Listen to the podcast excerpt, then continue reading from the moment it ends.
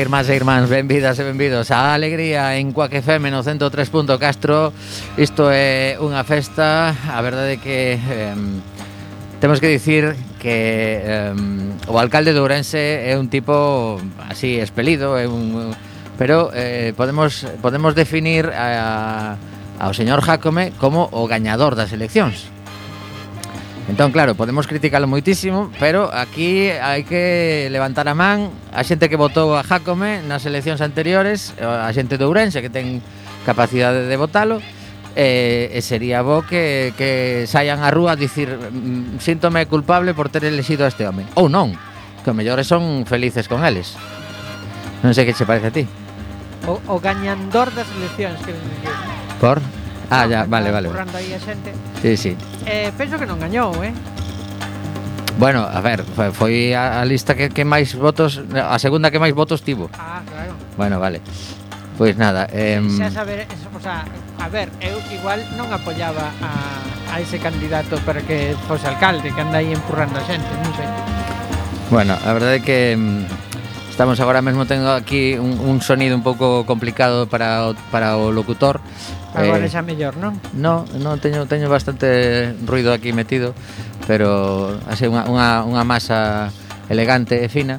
Hulk. Sí, pero despois eh, cambiamos de micro. Bueno, a verdade é que como empezamos eh, o programa cun poquinho de retraso, temos que dicir que hoxe Regresan os nosos compañeiros de Quack and Roll con entrevista importantísima, ni máis ni menos que a banda gañadora do concurso de bandas eh, a nivel local do ano pasado de Quack FM a dar a, Ritman. Acaba de chegar Tito Ritman por aquí polos estudios xa porque pretenden facer unha sesión en directo espectacular a partir das 7 da tarde, a ver se, se o logran. Eh, e nós imos facer un programa destes nosos nos que repasamos unha serie de, de novas que nos chaman a atención. E todo iso sucederá entre as 7 e as 8 da tarde de hoxe que é 4 de maio que estamos en directo na Radio Comunitaria da Coruña. E imos comezar o programa con un artista que lle teño gañas e nunca tuve a ocasión de velo. Xa visitou Galicia en varias eh, oportunidades este ano precisamente porque o traio porque vai a estar en Ourense. Mira que sorte tiveron os de por ali. Dentro do ciclo eh, que se chama Xacobeo Importa, Básicamente non é porque importe o Xacobeo, sino porque eh, importa artistas. Traen artistas de fora, neste caso vai ser unha, unha banda mm, con un líder que se chama James Hunter, eh, estarán o 28 de maio en Ourense, entendo que no teatro principal, eh, A ver si vos gusta esta canción para empezar o programa. Alaimos, alegría.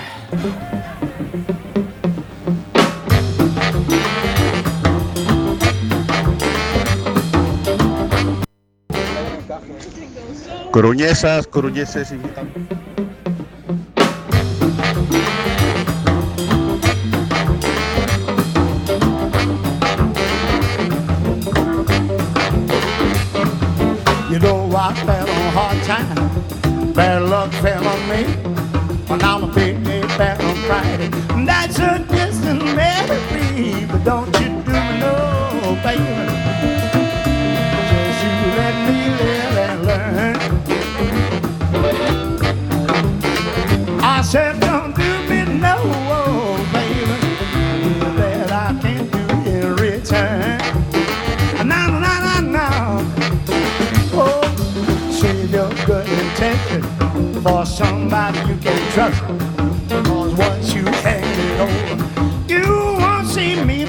so don't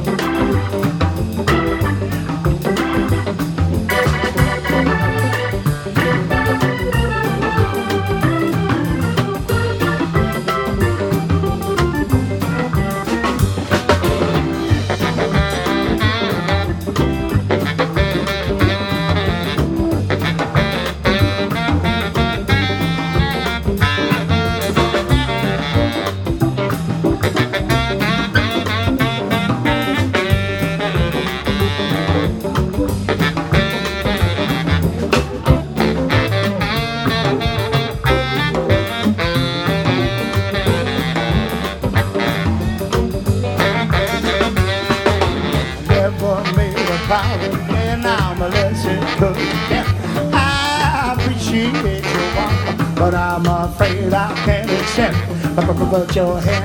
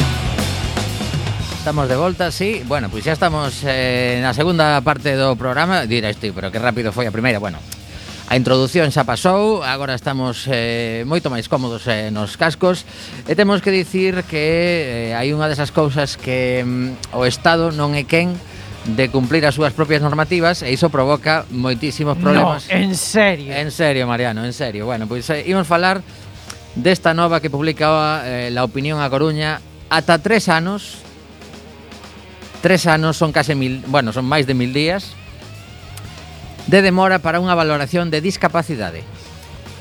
Non podemos agardar máis, eh, afirman as vítimas. Entidades de toda España exixen na rúa, tamén eh, nas rúas galegas, que se reduzan os tempos e a publicación dun novo baremo tras dúas décadas sen actualizarse.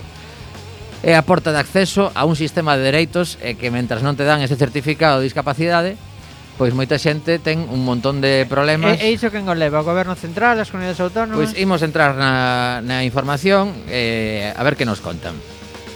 A valoración da discapacidade é a porta de acceso ao sistema de dereitos para moitos integrantes dese colectivo. Non obstante, o movimento asociativo denuncia unha demora media, porque logo hai casos sangrantes, unha demora media de 11 meses E como podemos imaginar, mm, en, en toda España isto é un volumen de xente moi grande e moitas persoas falecen no período que transcurre entre que debería ter eh, esa, esa valoración feita eh, titúlase, eh, bueno, o nome exacto é Valoración e Observación de Discapacidade, EVO.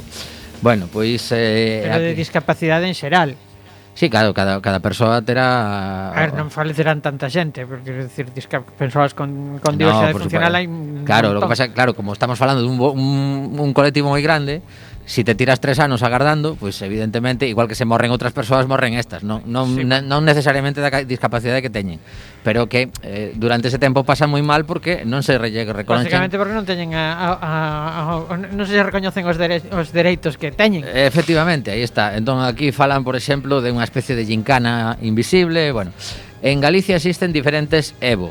Eh, non todos van ao mesmo ritmo. EVO son o, o comité en, eh, que, que valía, vale? Non todos van ao mesmo ritmo nin funcionan de forma homoxénea. Algúns teñen unha garda maior e outras menor, sendo esta última sempre moi alta, nesta horquilla de un a tres anos que denunciamos. En Lugo e Ourense, por exemplo, pese a haber un só evo, as listas da garda son máis baixas e sitúanse en torno aos 11-12 meses. Pero Coruña, Santiago e Vigo, e incluso Pontevedra, con moitas máis persoas que atender e sen máis persoal, as demoras son brutais. Advirte Laura Quintás, integrante da Xunta Directiva e coordinadora da Comisión Sociosanitaria da Confederación Galega de Persoas con Discapacidade. Quen lembra que as entidades de ámbito do, da discapacidade levan moitos anos denunciando esta situación que xa se daba antes da pandemia e que agora, pois, eh, de algún xeito, eh, seguramente se está chegando a límites xa de desesperación absoluta e, e polo tanto, pois a xente decidiu botarse ás rúas. A pandemia serve agora como mala excusa para todo, pero as listas de agarda para as valoracións de discapacidade veñen de antes. A irrupción da COVID agravou aínda máis unha situación xa de por sí moi grave, eh, por exemplo, unha persoa con enfermidade hereditaria e degenerativa que precisa acceso a un baremo de discapacidade para poder optar a recursos non pode estar dous anos agardando porque durante ese tempo as súas condicións de saúde, sociais e económicas vense moi mermadas a todo mundo se lle pode se pode imaginar que ter unha discapacidade xa é moi caro e non todo, por suposto, o cubre o sistema público e polo tanto piden igualdade de condicións. Fala aquí máis abaixo, por exemplo, de que eh, O novo baremo foi consensuado polas entidades da discapacidade, o Ministerio de Sanidade e as comunidades autónomas en 2017. O ano pasado Mariano, mira, mira como vai isto. En 2017 chegan un consenso entre as comunidades autónomas, as entidades e, e o Goberno Central, de 2017. 2021 apróbase o borrador, pero o borrador non vai ao, ao BOE. Polo tanto, eh, eso, eso que nos levamos moitas veces pensando que hai un regulamento e tal, bueno, pois eh, unha vez que existe regulamentos e despois non o levan ao BOE, non entra en vigor e polo tanto esta xente sigue agardando. A única novidade de entón é que a finais de abril fíxose unha proba piloto en varias comunidades para ver como funcionaba porque leva aparelladas unha serie de axudas tecnolóxicas para levar a cabo as valoracións pero aínda teñen, unha vez máis, que publicarse no BOE para que as autonomías poden aplicalo. Por lo tanto, damos por feito xa que isto ata 2023 non vai suceder. Bueno, a, a nova mm, continúa, explica un pouco a, a problemática que, que pode mm, supor, por exemplo, incluso para, para menores. Hai que ter en conta que se ti... Eh... E que se supón? Que esta nova normativa vai desbloquear máxicamente as listas de espera sen incrementar os recursos ou como é a cousa? Non, Básicamente non Claro, se... porque que Claro, eh, o, o que aguanta o papel eh, case todo, pero logo realmente as persoas que están día a día facendo as valoracións dirán Se non é que, que non quera. É, é unha cousa moi moi nosa, uh -huh. eh, isto de, de fiarlle todo a legislación cando miran de parte das solucións pasan polo orzamento, non pola legislación. Eh, pola contratación de persoal, claro. Claro, polo, polo, por iso digo, polo orzamento. O sea, mm, porque ti podes ter uns criterios de baremación... A ver, que estou falando eh, sen, sen coñecer se, sí, está, estamos sospeitando, concreto, estamos, estamos sospeitando agora. Seguramente pois poderá xirizar, pero se, se, se non se destinan recursos, pois non? Efectivamente. A cuestión é, vanse dedicar recursos? Uh -huh ou imos preferir investiros noutra cousa? Xa, porque aquí é unha vez máis o tema de, vale, unha vez que está publicado no BOE... En pe, noutro Pegasus. Como este no BOE a, a Pegasus. Claro, o sea, que eso hai que pagalo, o sea, ese ese ese esa el software ese, sí, sí, o software ese hai que pagalo, non? Non sei, como non sei canto custa, Pois pues unha pasta sí, seguramente. Debe ser, claro. debe ser caro, ¿no? Porque se si é así como privativo de En total, mira para que serve. O sea, para para uns líos maravillosos e agora eh, eh ata a, mm, non descartemos que este en perigo a legislatura e que teñamos que estar vendo durante os vindeiros meses unhas, a ver, que, unhas virguerías que, que, que demais non, non, non é a primeira vez que se fai un uso un pouco raro dese programa que tamén caeu Macron hai uns meses o sea, quero dicir a ver a ver a quen andamos vendendo que, que anda comprando cousas eh Pois sí. E, que, e como vai eh, ese asunto da protección uh -huh. e tal Pero quero dicir Que sí, que sí, moito enredar co, e moito prestar atención á xeopolítica, pero a vida das persoas que... Uh -huh.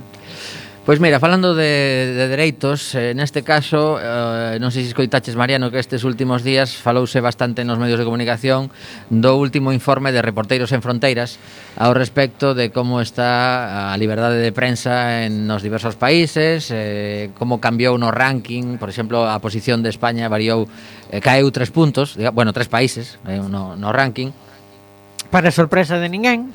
Bueno, pois aquí o que nos, eh, nos eh, trouxemos foi eh, a, a páxina oficial, digamos, de Reporteros en Fronteiras e, eh, e temos eh, a parte adicada a, ao noso país. Vale, podíamos estar visitando a, a táboa xeral de países e logo tes interese entro nun volao.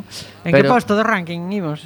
Pois mira, eh, está no 32. O ano pasado estábamos no 29 e agora estamos no 32. Son 188 en total, para que nos fagamos unha idea. Os que están analizados, seguramente hai xente xa, o sea, hai países xa nos que renuncian a traballar. Porque... Total, pa qué? Sí, exacto. Eh, por exemplo, outra das caídas máis comentadas estes días foi Rusia, evidentemente, pero... Home, eh, pois... Eh, pois iso ten coña, eh? Por? Eh, porque non se pode caer de moi alto. Bueno, pues non sei, bueno, se si queres logo entro, pero está, está ahora mesmo no 150 e tantos, o sea que hai, hai casi 30 países que están peor. Se, mm. segundo, reporteros en fronteiras, outra cosa que si te pos analizar o último mes, ao mellor se pasan a, aos últimos postos, pero bueno. Eh, entrando no que no que teño aquí diante é eh, eh, que 2022 nos traen en España uns medios cada vez máis opinativos unha precarización crecente da profesión e, eh, por outra banda, na parte positiva, parece que mellorou a seguridade dos xornalistas e hai avances legislativos, segundo comenta o informe. A ver, eh, as partes negativas, eu chamolle martes, claro, é, é o que leva pasando dende, mira, nós que levamos aquí 25 anos, non? Sí pouco máis incluso. Pois leva pasando esos 25 anos. Sí, sí. Sí, pero o mellor se, se acentuou este tema. Así eu teño unha, unha sensación Non, non deixa de ir a peor. O sea, é, é unha cuestión que cada vez vai a peor. O sea, por que por que hai máis opinión que información? Pois pues que porque a opinión é máis barata. Eh, o que hai moitísimo comentario. O noso que estamos facendo aquí, é super barato. Sí, eh? sí, sí, claro, claro, claro. Traemos eh, información aquí. Eh, baratísimo, eh, tan... claro, claro, pero sacar a información non é tan barato. Claro. Entón, eso por un lado. Eh, logo, a precariedade é eh, absoluta, o sea, uh -huh. porque a ver, que medio non está en ERE ou pasou por un de, par deles ou está en ERTE ou que ou foi vendido a un grupo máis grande. Claro, o sea, porque outra das cousas que se comenta no informe sobre España é a concentración ¿no? de medios. O sea, claro. Pero é que algo que leva pasando eso, 25 anos sen que se faga gran cousa. Supoño que as avantaxes serán pois eh, pois eh, esa, esa maquillaxe que se, que se lle deu a Lei Mordaza, non? O... Posiblemente. Eh, eh, eh, a ver a ver que máis avances legislativos. Sí, uh -huh. que teño curiosidade. Bueno, pois pues a ver, seguimos, seguimos lendo porque aquí eh, nos fala que hai eh, hai que ter en conta que este ano decidiron meter unha serie de novos indicadores que pode facer que ao mellor eh, o que antes era 29, agora pasamos a 32 pero é porque eh, integraron estes indicadores que antes non estaban. Normalmente, eh, eu, eu vou dicir que eu que coñezo un pouco eses indicadores, eses intríngulis, uh -huh. eh, normalmente España sae mellor librada do que lle toca. Vale. Eh, quero dicir, por que? Polos indicadores. Uh -huh. eh, porque, por exemplo, eh, por aí fora crece, por algunha razón, que cando ti aprobas unha lei vais a facer cumprir. Uh -huh E iso todos sabemos, bueno, normalmente, bueno, nos medios comunitarios sabemos moi ben que iso non é así. Pero, por exemplo, a Lei Xeral de Comunicación Audiovisual de 2010 puntúa a alza uh -huh. e hai aspectos particularmente importantes desa lei para, para a pluralidade informativa, para outras cousas que puntúan moito a alza e que nunca se aplicaron. Uh -huh. Pero, pero contalles igual. Vale, vale. Pois aquí o que nos, eh, nos comentan Estou intentando extraer porque o artigo é bastante longo Podes entrar fácil no, en rsf-medio.es.org mm, mm, Pois eh, nos comenta que eh, hai, houbo moitas menos agresións a xornalistas eh, que os últimos anos Curiosamente en España. Eso está ben.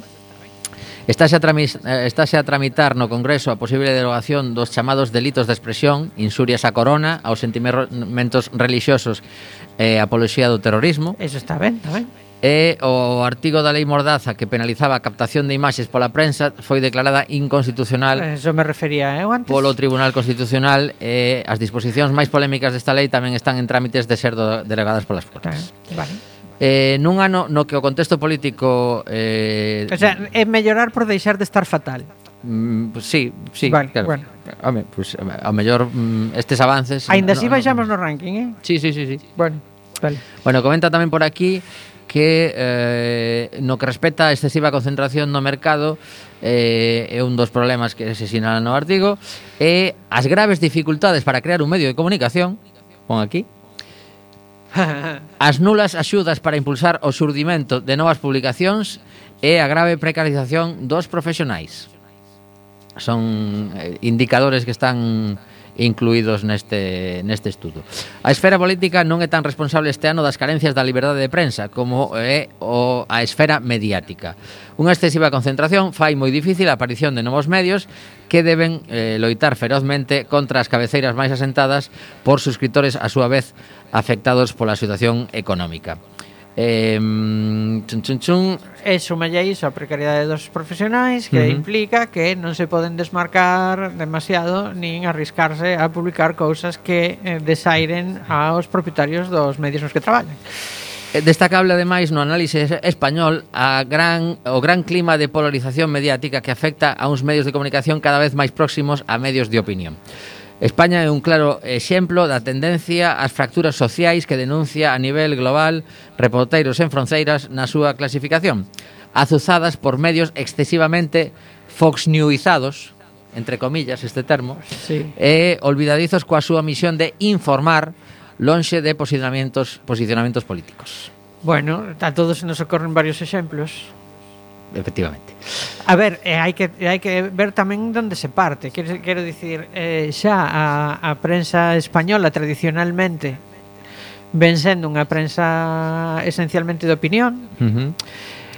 Eh, pero agora xa pasou a ser directamente, o sea, hai medios que xa, xa non son de opinión, eh, pasan directamente eh, a categoría de propaganda incluso desvencellándose completamente da realidade moitas veces. Entón, bueno, eu claro, eu resístome a chamarlle a iso medio de comunicación. Xa, pero para moita xente o son, entón Xa, aí está. Que se tome por tal é un problema, é un problema, é posible, pois porque que se lle deu ao público para defenderse diso?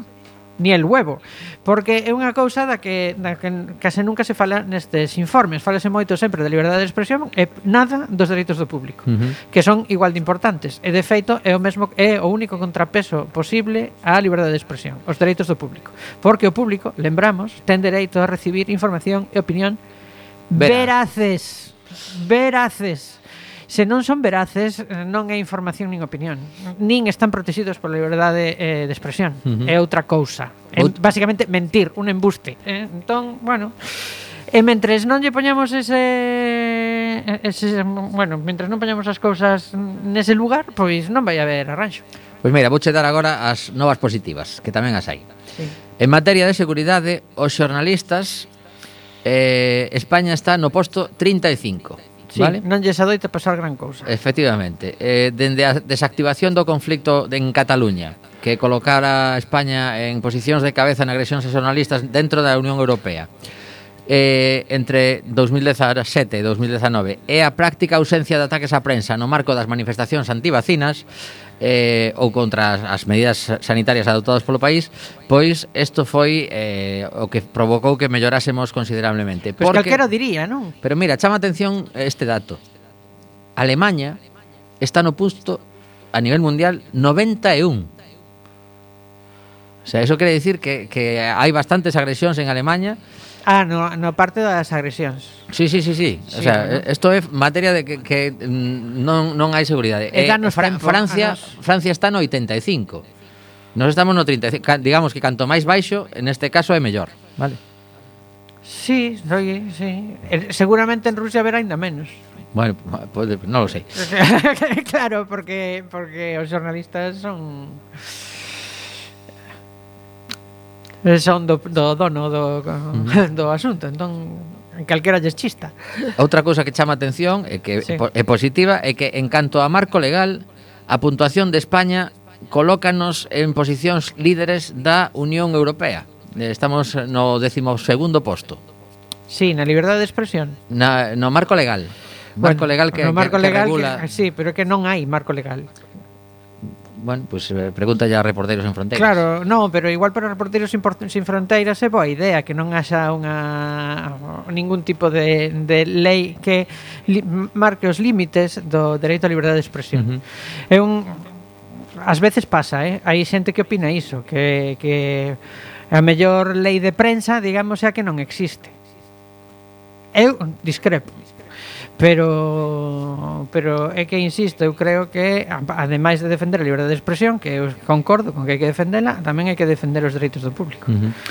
Logo está aquí un apartado que xa non, non vou entrar demasiado porque fala de, de xornalistas concretos que sufriron denuncias eh, comenta que eh, proliferan en España como noutros países do seu entorno, os chamados SLAP, acabado en dúas P's, que significa Strategic Lawsuits against Public Participation, é dicir, accións xudiciais abusivas interpostas contra os xornalistas, eh, os xornalistas con fins a menudo intimidatorios. Mm. Entón ven aquí unha, unha listaxe eh, de, de casos concretos Por exemplo, Infolibre foi denunciado polo ex, ex secretario xeral do Partido Popular Teodoro García Egea eh, a, El Diario.es tamén ten denuncias El Confidencial, eh, o caso de Albert García del País absolto eh, por, mm, por outros eh, un falso testimonio que lle imputaba. Bueno, total, que, que tamén é un pouco o que o que estábamos a a ver que dicíamos sí, a semana supoño, pasada aí, co tema de aí, Ada Colau. Aí supoño que tamén tamén entrarán, por exemplo, o Ah, pois as denuncias que se interpuxeron a Inda ou a Javier Negre, todas estas, que deben decir que Pode puntuarán ser. tamén. Sí, supoño, supoño, aquí fai unha se lista. Se consideran medios de comunicación, puntuarán tamén. Sí, entendo que sí. Bueno, aquí o, o que comenta é que eh, a xustiza española só é ser garante coa liberdade de prensa e facela prevalecer en case todos os casos. Iso é certo. De acordo coa doctrina do Tribunal Constitucional. Ainda así, o fin real das accións judiciais abusivas, estas que se, se denominan SLAP, non é tanto lograr unha condea contra a prensa, difícil en democracias consolidadas, como enredar aos xornalistas en procesos longos, farragosos e, sobre todo, costosos. Claro. Eh, ti mira a que medios, a que medios citaches e eh, quen denuncia. Pois sí, pero como dicías ti, seguramente habrá denuncias. Quero dicir, o peso económico, sí, pero non o mesmo, xa. non o mesmo. O peso económico que teñen uns e que teñen outros a hora de recorrer a ese a esa arma, digamos, uh é bastante desigual. Pois sí. Quen denuncia, quen pode, quen, quen pode ir a un xuizo para perdelo, non? Porque moitas veces saben que van perder. A cuestión non é gañar, a cuestión é eh, eso, incomodar, demorar, Eh, Incluso que os outros os medios máis amigos fáganse eco, eco tamén, eh, sí. que pareza xa culpable en sí. algunhas ocasións. Bueno, xa sabemos, xa falamos moitas veces deste tema. Ben, pois imos avanzar no programa que xa son as 7:34 minutos. Imos escoitar un pequeno audio que nos manda eh, Mundo Chillón, un, un artista que se fai chamar Mundo Chillón, vai estar mañana na sala Mardi Gras despois de bastantes anos sin vir por por Coruña, a última vez fora no Bar, así que estamos a falar de de prepandemia mandounos un breve audio para que se anime a xente a vir mañá. O concerto comeza ás nove e media e a continuación do audio escoitamos unha das súas cancións. Podedes atopar en redes sociais moitísimas colaboracións con, con esa pandilla que se creou hai uns anos como Rosalén, El Canca, El Niño de la Hipoteca, Manu Clavijo. Todos estes son, son colegas vivindo en Madrid eh, disfrutando da posibilidade que ten a palabra misturada coa música. Mundo Chillón. Coruñesas, coruñeses y visitantes todos, soy Pedro de Mundo Chillón. Y nada, venía a advertiros de que este jueves voy a estar azotando vuestros tímpanos con mis canciones que son caseras, como los postres de los bares de carretera. Nos vemos, un abrazo.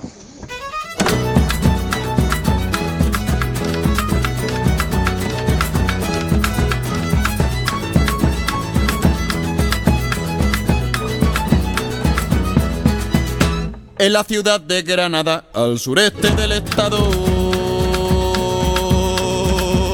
Conoció el mundo un chaval de futuro atribulado, se lo voy a presentar, Fortunato recopado. Su padre quería que fuera más acomodado. Que tuviera lo que a él a su le había faltado. Sin enseñarle a pescar, lo acostumbraba al pescado. Sus amigos que crecían con el mismo resultado, nada malo le veían. Era como está mandado, un guacho de rechingón, compadrero y avispado. Destacaba en la reunión, cotizaba en el mercado. Yo, que siempre fui a favor del viento. Yo, que derroche sin miramiento. Te gocé burlándome de las hormigas. Ahora voy tras las migajas de la vida. Y ahora que me desperezo con el agua hasta el pescuezo, la factura siempre llega, no sé cómo sucedió. Para orquesta, fiesta, siesta, que bello mientras duró.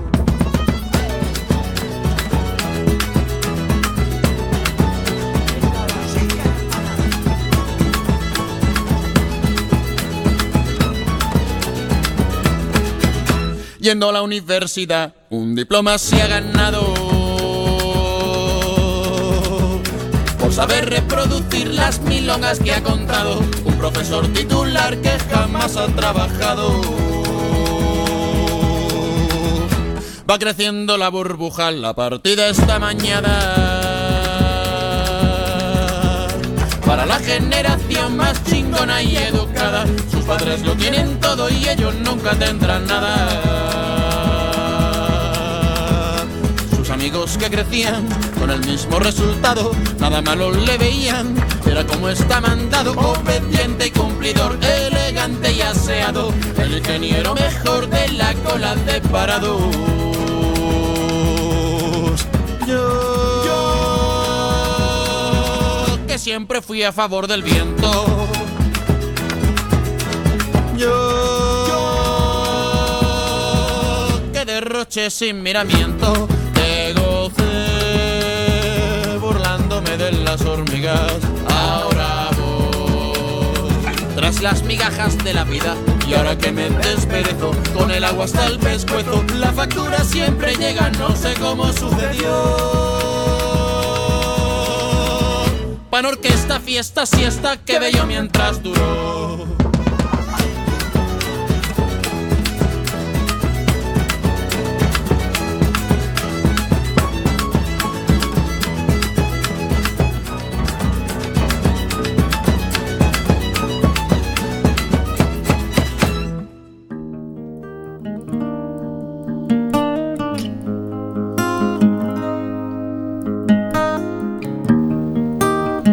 Continúas a escoitar Alegría Dicir algo importante Que este sábado Coac FM desplázase Ata o Día da Ciencia na Rúa Que por fin regresa A súa ubicación habitual No Parque de Santa Margarida que xa leva varios anos que non se podía facer ali por o tema este de, do COVID, a última edición foi no, dentro do Teatro Colón eh, regresa toda a actividade frenética dese día con un montón de centros educativos, de proxectos relacionados coa ciencia. E eh, nos estaremos dende as 11 da mañán ata as 2 da tarde eh, se a tecnoloxía non lo permite emitindo dende o, o propio edificio da da Casa das Ciencias, xusto aí pois nos, nos soportáis estes que teñen. Así que animamos vos a, a checarvos por ali e que non poida pois que se conecte á emisión de Quack FM, incluso que faga as dúas cousas porque eh, conectando os, os cascos do móvil pois nos podes escoitar. Pasad a saudar, non me sexades preas. Claro, dicir, eh, eh, escoito mm, en boxes. Bueno, pois en boxes nos vale. En escoito sí, as ciencias femeninas. Non nos imos celar, claro, prometido. Nos vale calquera programa de, de Quack FM. Menos incluso la continuidade que vos mola porque teñen cancións que non pon ninguén. Tamén nos vale. Bueno, pois imos con repaso das eh, varias novas xa, estamos en territorio galego neste nesta última parte do programa e comezo comentando algo que publica praza.gal que eh, acaba de publicarse eh, novas normas COVID para o persoal do Sergas. Eh, os positivos leves non coñerán a baixa se traballan en atención primaria. Fiesta! Polo tanto, eh, un centro de saúde o que chega xente pois, con algunha enfermidade podense atopar con que o persoal que está ali está contaxiado pero como ten síntomas leves, pois eh, debe acudir a traballar. O, o persoal do Sergas que dea positivo en COVID sen síntomas ou sendo leves deberá acudir igualmente ao traballo a atender os pacientes se fose o caso, nun centro de saúde ou nun punto de atención continuada. Así o determina o novo protocolo para a prevención de riscos ante o coronavirus no ámbito sanitario que foi publicado pola Consellería de Sanidade este luns, fai dous días, nunha decisión contra a que xa se manifestaron eh, varios sindicatos. Así estamos. Así, o Sergas indica na nova versión número 16 do Plan Específico para a Prevención de Riscos ante a Exposición Laboral ao novo coronavirus Atención, que xa lle chaman novo coronavirus. O sea, este de... A ver, é que coronavirus hai unha chea deles, Por eh? bueno, pues, aquí lle chaman novo, non sei se se refire a que hai unha mutación ou o, o 19 que vai to, todo o mesmo pack. coronavirus hai a chorrón. Moitos bueno. dos, dos catarros comuns de toda a vida Era coronavirus. eran coronavirus, pero Pois pues nada, que o persoal eh, contacto estreito dun caso COVID ou positivo confirmado terá que incorporarse ao seu posto agás se traballa en ámbitos vulnerables que xa entramos aquí sí, en quen con, define iso? Con persoas inmunodeprimidas, Pode ser. adoita ser iso, sí. Ven aquí dous puntos. Plantas de hospitalización, incluindo unidades de críticos e grandes queimados, hospital de día onco e hematoloxía ou nas unidades centros de diálise. Así, de non traballarnos de banditos espazos, os casos confirmados leves e asintomáticos e os contactos estreitos de forma xeral non realizarán ningún tipo de aillamento nin corentena. Si deberán, segundo o novo protocolo, extremar as medidas de protección, prestando especial atención a zonas comuns como cafetaría ou vestiarios, usar continuamente a máscara, evitar a interacción con persoas vulnerables sen ela ou levar a cabo unha adecuada higiene de mans. Tamén deberán evitar quitar o cubrebocas en calquera interacción con outra persoa e recoméndaselles que intenten comer e beber sós ou polo menos a dúas metros de outra persoa. Bueno, pois nada, que, que saibamos eh, Agora mesmo hai bastantes persoas eh, Incluso compañeros e compañeras de Quack FM Que o pillaron agora despois de estar unha longa tempada Facendo es, o que fixemos a maioría Porque ti é máis eu Facendo cobra Exacto, eh? eh, eh, pues non, non te pillo, eh, bueno Por lo menos que, ti máis eu non sabemos claro. Exacto, eso que di todo o mundo Porque ¿no? Que, o mellor o pasamos, pero sin claro, síntomas Claro, igual asintomático Que claro. pasa? Uh, eu o que entendo de todo isto é uh -huh. que toca contagiarse, nenos. Básicamente un pouco a mensaxe, Que no? o xeito de, de porque de feito o o contaxio co coronavirus uh -huh. provee dunha inmunidade eh, superior a das vacinas. Ajá. O sea que entón, si, si temos xa tres vacinas Mais, mais o virus atontado, digamos. Es, es como, bueno, mais o virus non que está agora circulando, sí, sí, pois sí, pero atontado no noso corpo, adquires digamos. Adquires o que eh. se di a super superinmunidade vale, que lle chaman agora. Vale, o sea que basicamente a intención é veña, pois que te pille. O sea que supoño que intenta no, contaxiarte ao mellor días que non teñas moito lío. Que ademais de outras variables tamén debe haber algunha um, epidemiolóxica, non? Ajá. Pero non estaría de máis que de máis que non lo contaran así. O sea, eh? Pois, eh, porque porque senón o que estás é alentando suspicacias, non? Uh eh, -huh. Que lles custa dicir, mira, Agora o que interesa é que nos contaxemos todos así mm, canto, mm, canto antes para ter superinmunidade. Uh -huh. Agas a xente que non se pode contaxar porque eh, ten o seu sistema inmunitario baixiño e eh, pode correr risco. Que pasa? Eu penso que é difícil de controlar iso, non? Xa a min pareceme difícil de controlar. Uh -huh. Aínda así, se esa xente está vacinada puido ser vacinada, pois vale, es, eh, o problema é a xente que non se puido vacinar ou as que as vacinas non lle fixeron efecto, uh -huh. bueno. Veña, pois imos coa seguinte nova, o Porto de A Coruña prevé obter Ui, é unha festa. xa, ui, af, uh, xa, xa toquei algo que Para o último cuarto de hora, nada máis. A ver, que teño dúas novas que hai que comentar, eh? O sea que festa. Cinco, cinco minutos para esta, eh, para esta e cinco para a seguinte, eh, Mariano, concentración. A ver, por el marco relación. De, deixame acabar, deixame Dígame, acabar, sí. que a xente aínda ao mellor non sabe nin de, nin de que vou vou falar. O Porto de A Coruña prevé obter 254 millóns da venda de San Diego o doble da tasación do Estado. Este novo cálculo, realizado por unha empresa privada, que xa sabemos que ás veces as tasacións por parte das empresas privadas son un pouquiño eh, si me pagas, pois vouche, fa... que, canto queres que coste isto? Bueno, multiplica por 10 o valor da superficie como terreo portuario que está tasada en 23,9 millóns de euros. A autoridade portuaria mantén unha débeda total casi idéntica a que tiña en 2011. Polo tanto, en todo este período, o que está facendo é pagar os intereses dos préstamos que ten, pero non, non reduce o capital porque, en teoría, pues, non terá cartos para facelo. Eh, E logo entra isto unha publicación de Enrique Carballo en La Opinión A venta dos terreos de San Diego unha vez máis eh, dando moito que falar Cando se vayan extinguindo os usos portuarios na segunda metade da década é a gran esperanza da autoridade portuaria para pagar a débeda pola construción de Punta Langosteira ante o rexeitamento do Estado a Condoala. Unha taxación dos 168.000 metros cadrados de espacio portuario realizada pola sociedade pública Segipsa. O sea, unha sociedade pública, bueno, polo menos eh, non quere decir que sexa mellor, pero é pública. Valoraba os terreos en algo menos de 126 eh, millóns fai un tempo. Pero eh, Como non lle convencía demasiado a tasación, contratou a, a empresa de tasación Valmesa, que xa non ten nada que ver, de, non é eh, un tema de capital público, e pasou a eh, 254,7 millóns de euros. Vale. Algo máis do doble. Claro.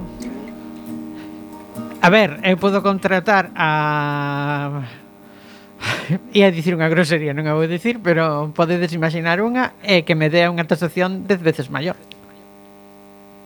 Por qué? Porque o problema disto é que eh, como vas taxar se non sabes nin os usos do terreo, nin, nin, a, nin a categorización Supo, que van ter. Supónse que estábamos nese proceso de claro, avaliación de que se podía facer ali. O que están ali. facendo é que están dicindo, non, isto é un terreo ceibo, libre de cargas. Se, se vendésemos todo a constructoras privadas, costaría isto. Claro, Entendo libre de que cargas, esa, ¿no? descontaminado, porque hai chan descontaminado, hai uh -huh. chan contaminado aquí. O sea, nun mundo ideal para as constructoras eh, no día de hoxe, uh -huh. custaría tanto. Que pasa? Que non vivimos nun mundo ideal, vivimos nun mundo real. Eh, non se sabe, non? Non se sabe... Non sei por que quedeis en cascos agora mesmo. Aí va. Bueno, é curioso. Non se sabe o que poden custar, uh -huh. pero seguramente menos. É que isto é un pouco, bueno, pois porque, esa eh, cifra... porque e logo e logo cando eses cando ese cando Porto marche de ali, a autoridade portuaria marche de ali, quen vai definir cales son eses usos E que, quen vai catalogar ese chan? Lembremos que había aí unha negociación eh, que parecía que dentro dos orzamentos da cidade ia haber unha partida para quen mercar ten un, a competencia para facer a catalogación dese chan? Quen a ten? O Concello. Que o que, fa, o que o que fai os plans urbanísticos. E logo con, con supervisión posiblemente da Xunta de Galicia, mellor. E por que? por, pola normativa que hai. Uh -huh. Porque no, os plans urbanísticos pero teñen, que, teñen que adaptarse a unha normativa e de sí, ir despois. Bueno, hai unha normativa, pero pero quero dicir, mentre ti respetes a, a normativa, a cuestión é que eses terreos, o sea, xa non son de portos. Retornan á cidade.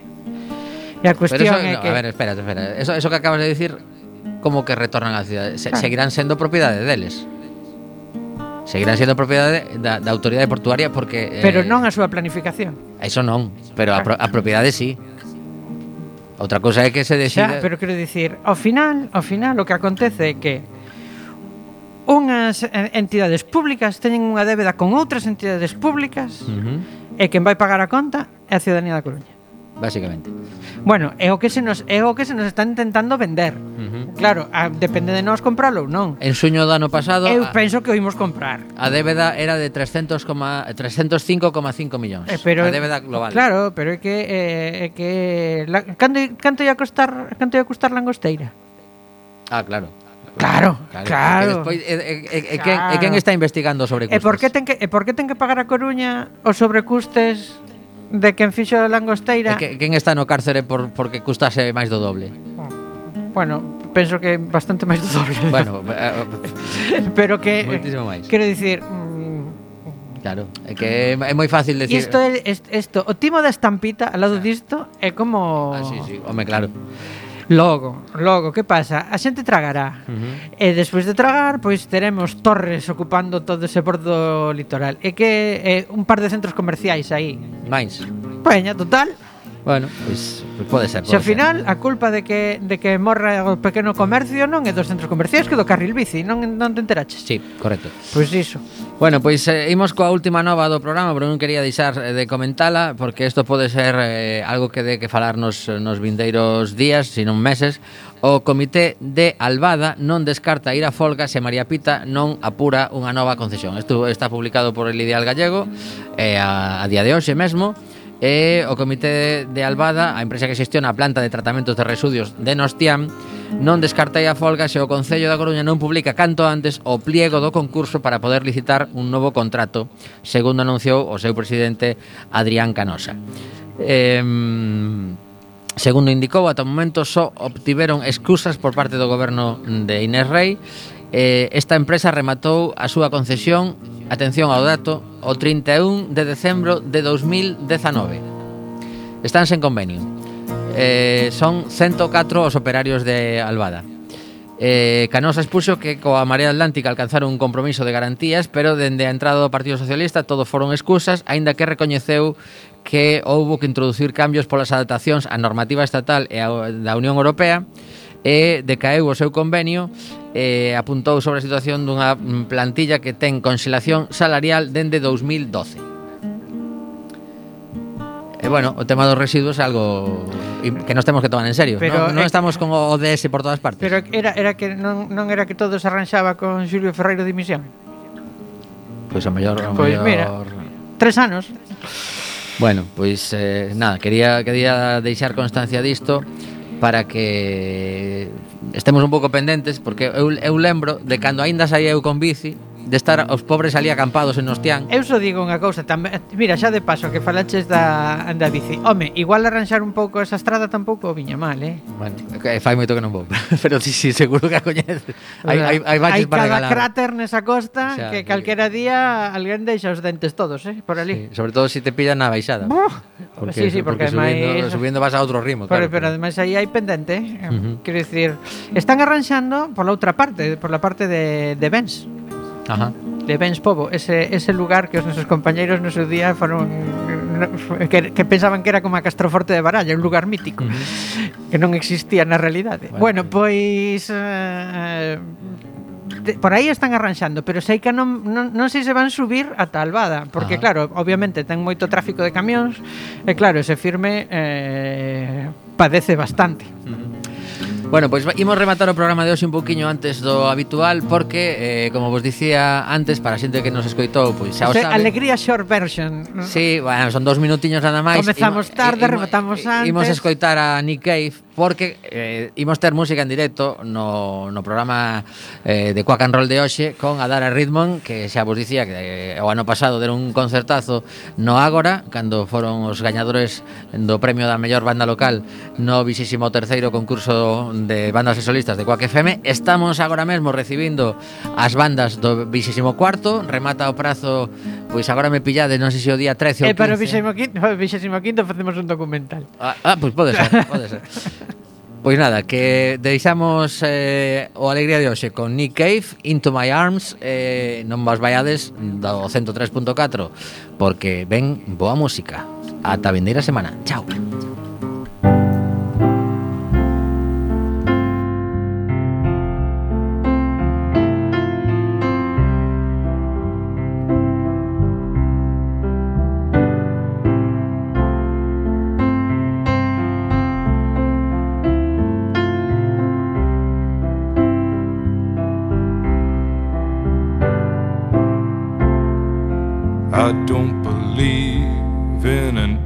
conventional.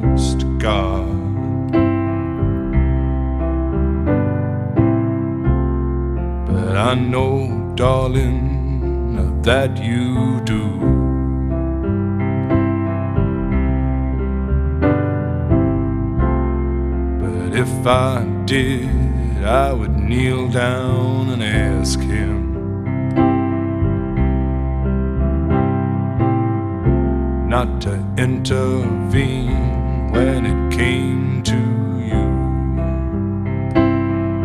Well, not to touch a hair in your head, leave you as you are. If he felt he had to direct you, then direct you into my arms. Into my arms, oh Lord, into my oh Lord, into my arms, oh Lord, into my arms.